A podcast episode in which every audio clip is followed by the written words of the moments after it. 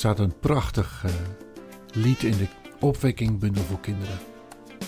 Het gaat over mensen uit het Oude Testament. Het gaat over Habakkuk.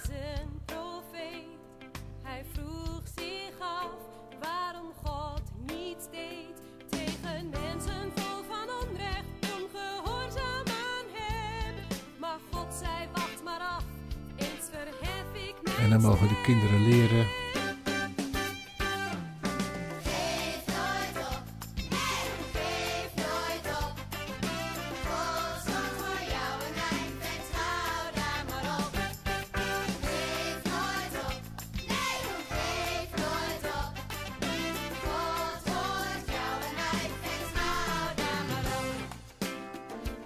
En zo komen er een paar mensen voorbij die als voorbeeld dienen.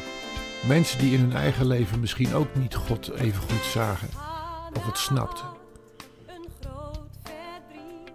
Mensen die in hun eigen leven niet zien wat wij zien, omdat wij weten hoe het afloopt. Van ons eigen leven weten we dat niet. Maar zou het kunnen zijn dat ons leven in de betekenis staat van een groter geheel? En daarom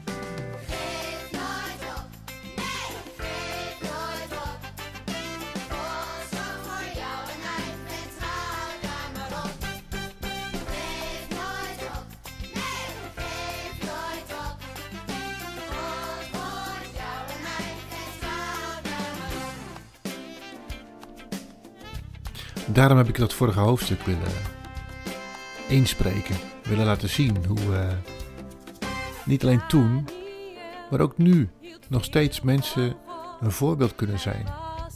En dwars door alles heen toch het einddoel voor ogen blijven houden.